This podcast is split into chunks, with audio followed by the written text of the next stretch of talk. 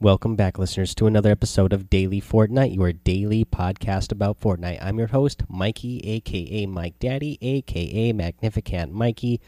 Today, Fortnite released a uh, update to 5.3 for Nintendo Switch. This update was released uh, to fix the hitching issues that are on Switch, which is really great for them uh, because Switch has you know, it's always experienced hitch hitching issues ever since Fortnite first came out on it, uh, just because it is, you know, uh, not as powerful as a console as the PS4 or Xbox.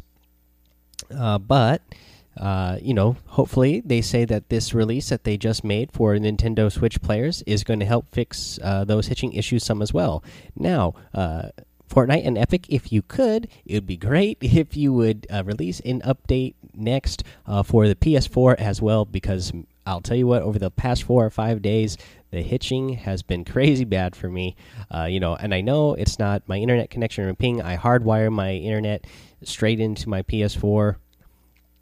I when I look at my ping, my ping has been in the 20s and the 30s, so I know it's not that. It's just uh, you know hitching going on in the game. So hopefully they're going to release a uh, some sort of update for us too, uh, us PS4 players. Uh, that way uh, we can get a little bit better gameplay, uh, less hitching, less rubber banding, and all that.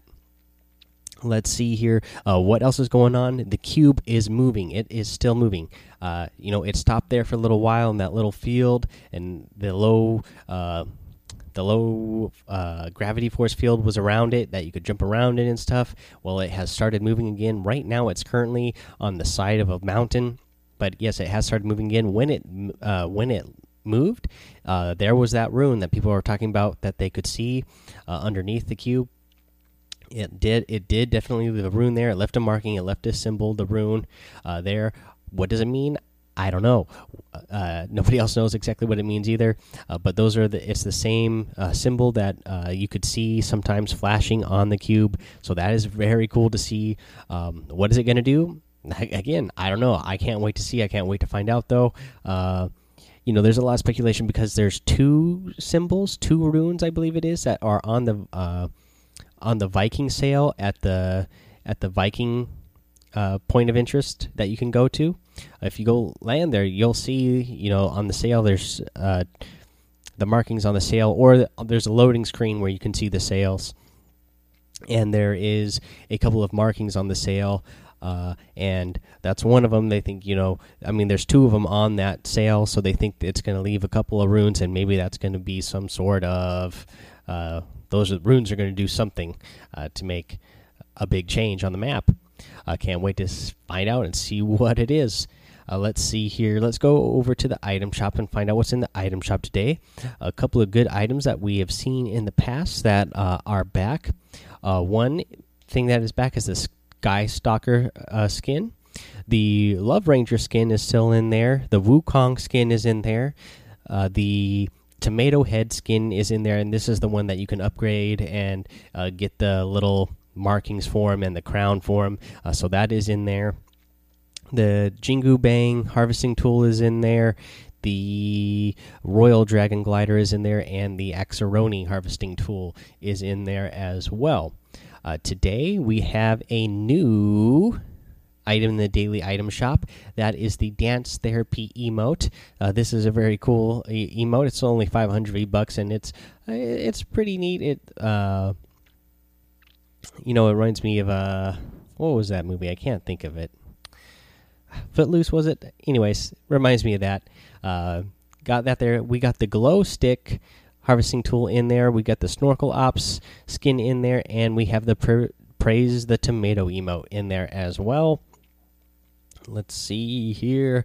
I want to get to a tip of the day real quick, and that is about the shockwave grenade. That was our new item this week. I, so, a couple of things for it. it. It's good for traveling great distances to avoid the storm. Obviously, uh, you know if the if you're out uh, in the middle of somewhere and you have a long way to go to the storm, and you happen to have a shockwave grenade or two of them, uh, because you pick them up in stacks of two use those and you'll go really far really fast you do have to hit it correctly so you need to, you're going to need to throw this on the ground pretty much be looking straight down to the ground, throw it, keep running forward, and then you also need to look back up and jump when you do this uh, so that you can get the greatest distance out of it. So make sure you do it uh, correctly to get uh, to get the further distance.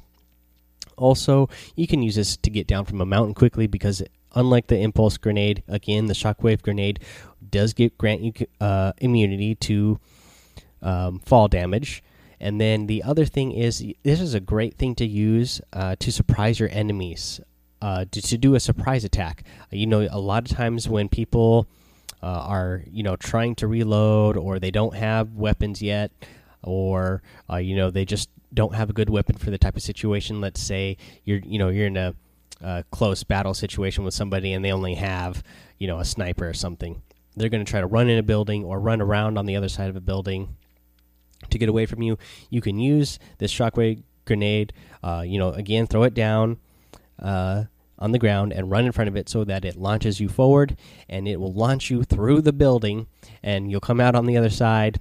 And because when you use this item, you are going to break through structures, and then your opponent is going to be caught by surprise for sure because this is a new thing that has been you know introduced into the game. We haven't had anything like this before, but yeah, you're going to shoot straight through structures and uh, catch your enemy by surprise.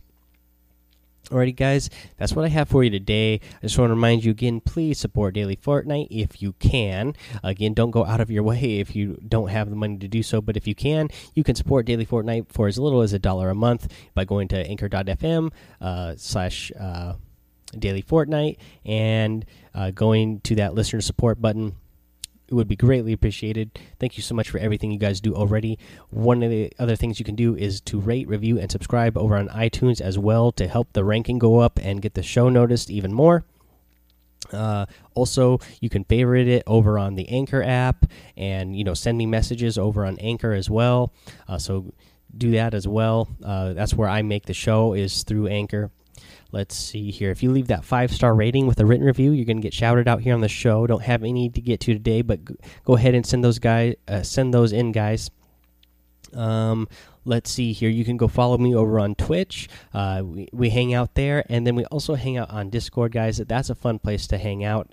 And uh, I'm going to relate this back to what's in the item shop because in the item shop today, again, uh, we have that glow stick harvesting tool. And uh, randomly today, before well, what's in the item shop now, we uh, we were in the Discord and a whole group of us were talking about how fun it would be to, um, you know, to have.